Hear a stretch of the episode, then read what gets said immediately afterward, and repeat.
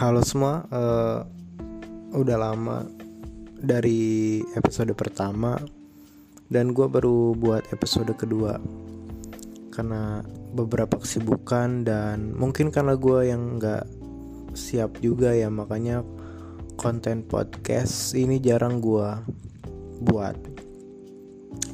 Kali ini gue pengen bahas fenomena uh, nikah nggak tahu kenapa setelah Idul Adha ini banyak banget teman-teman gue yang nikah. Dalam satu minggu aja gue udah dapet sekitar 9 sampai 10 undangan. Dari minggu Senin Selasa sampai minggu lagi ada aja tuh acara pernikahan yang harus gue hadiri. Dan kalau gue perhatiin sering berjalannya waktu uh,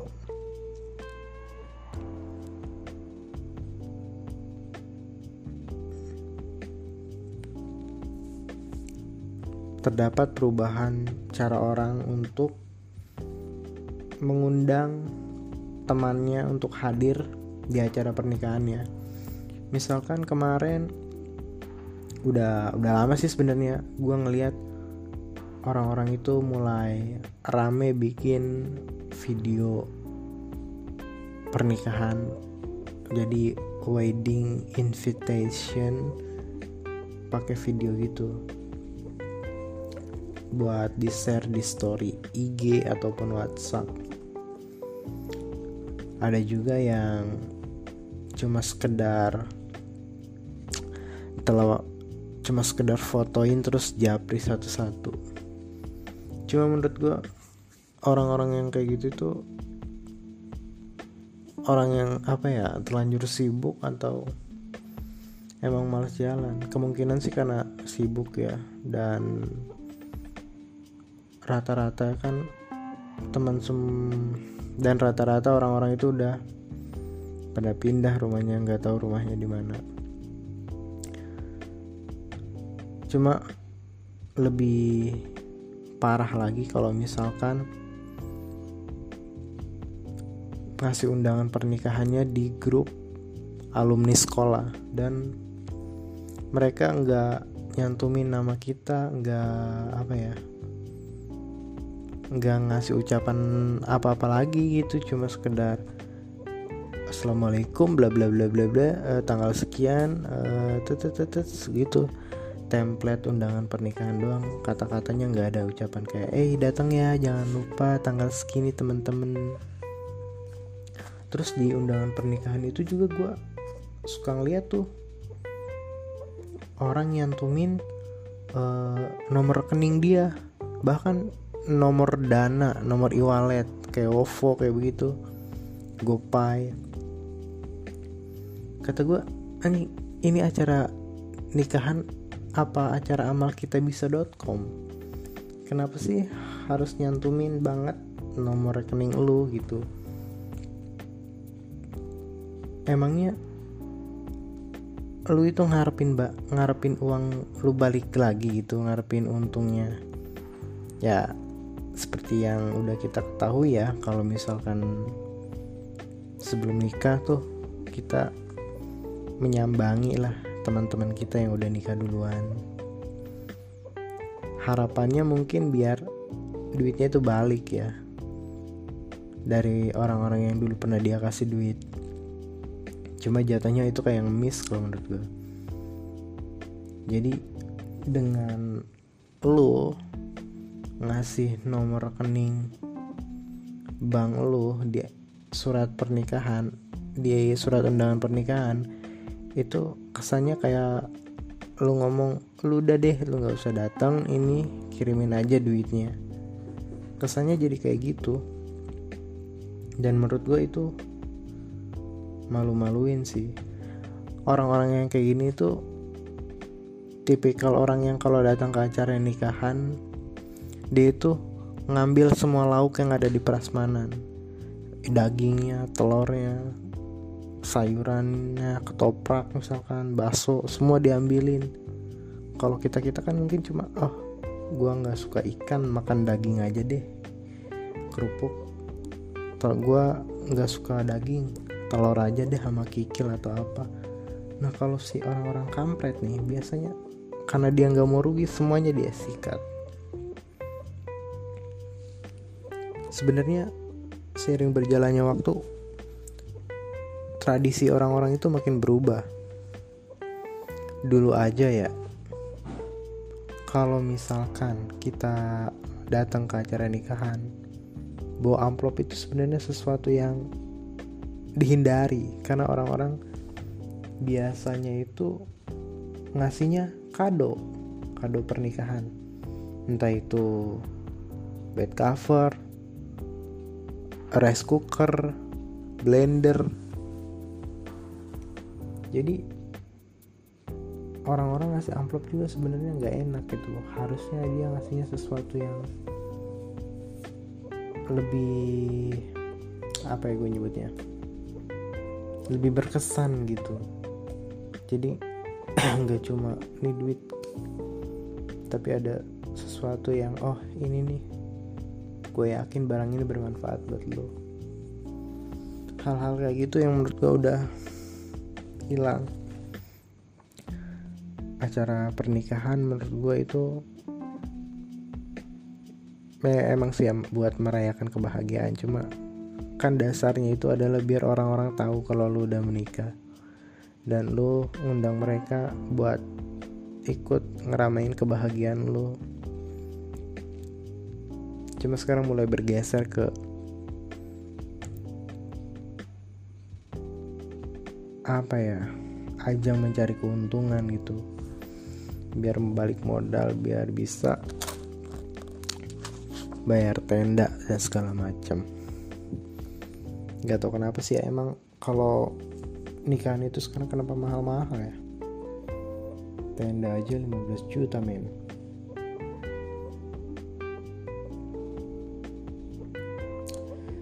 Digitalisasi undangan selain itu ada yang menarik nih yaitu mulai maraknya pasangan yang bikin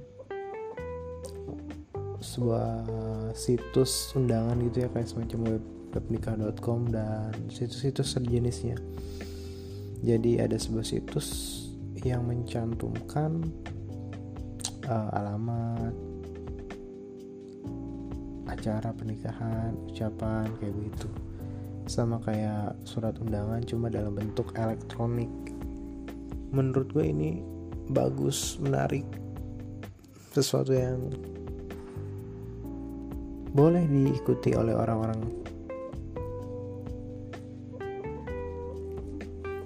pernah gue dapet undangan dari teman SMA gue dan dia nyantumin tuh semacam web nikah kayak gitu.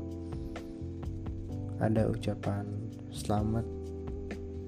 Gue coba tulis ternyata bisa anonim. Ya udah gue tulis aja ya semoga pernikahannya bahagia ya. Salam dari mantannya yang gagal seleksi ASN untung bisa nyembunyiin nama ya. Sekaligus buat lucu-lucuan juga ya biarpun tahu gak semua orang yang bisa lihat itu. Bukan gak bisa lihat sih cuma gak semua orang mau lihat. Mereka kalau udah dapet undangan nah ya udah gitu aja. Banyak banget teman-teman gue yang udah merit. Dan gue ikut bahagia. Gue nggak terlalu terbebani walaupun banyak yang nanya lu kapan nyusul? Lu kapan nyusul? Ya pernikahan itu kan bukan soal perlombaan ya. Lu nikah duluan belum tentu nanti bakal lebih bahagia dari gua nantinya.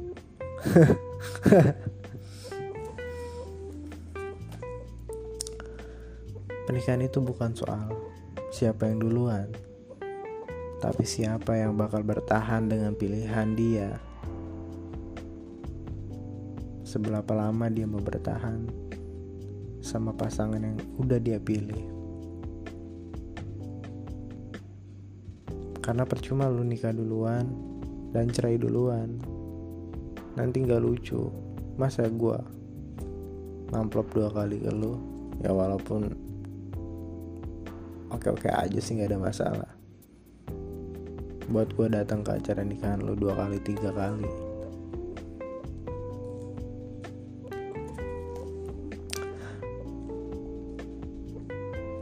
dan gue lihat di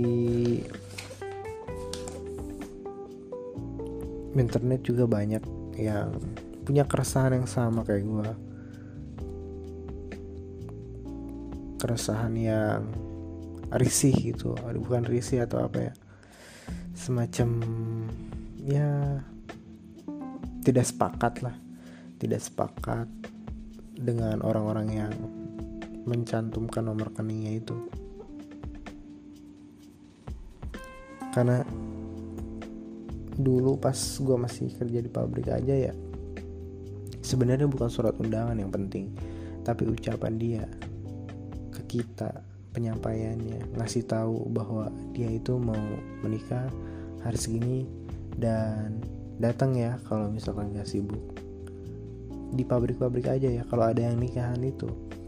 Cara ngundangnya cuma ngasih sebungkus nutrisari sama sebungkus kopi atau mungkin terus teh sejenis-jenis kayak gitu. Uh, satu saset kuku bima.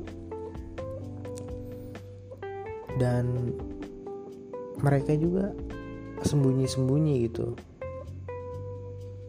Bawa makanan atau minuman yang mereka mau kasih ke kita. Karena sebenarnya nggak dibolehin sama security bawa makanan dari luar ke dalam pabrik. Dan hal-hal semacam itu yang menurut gue udah hilang di era modernisasi ini. Mungkin pandemi kemarin juga jadi salah satu faktor kenapa digitalisasi mulai berkembang pesat berkembang lebih pesat dari sebelumnya.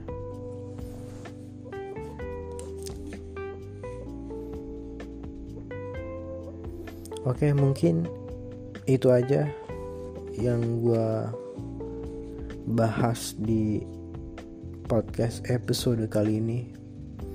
Semoga ke depannya gue bisa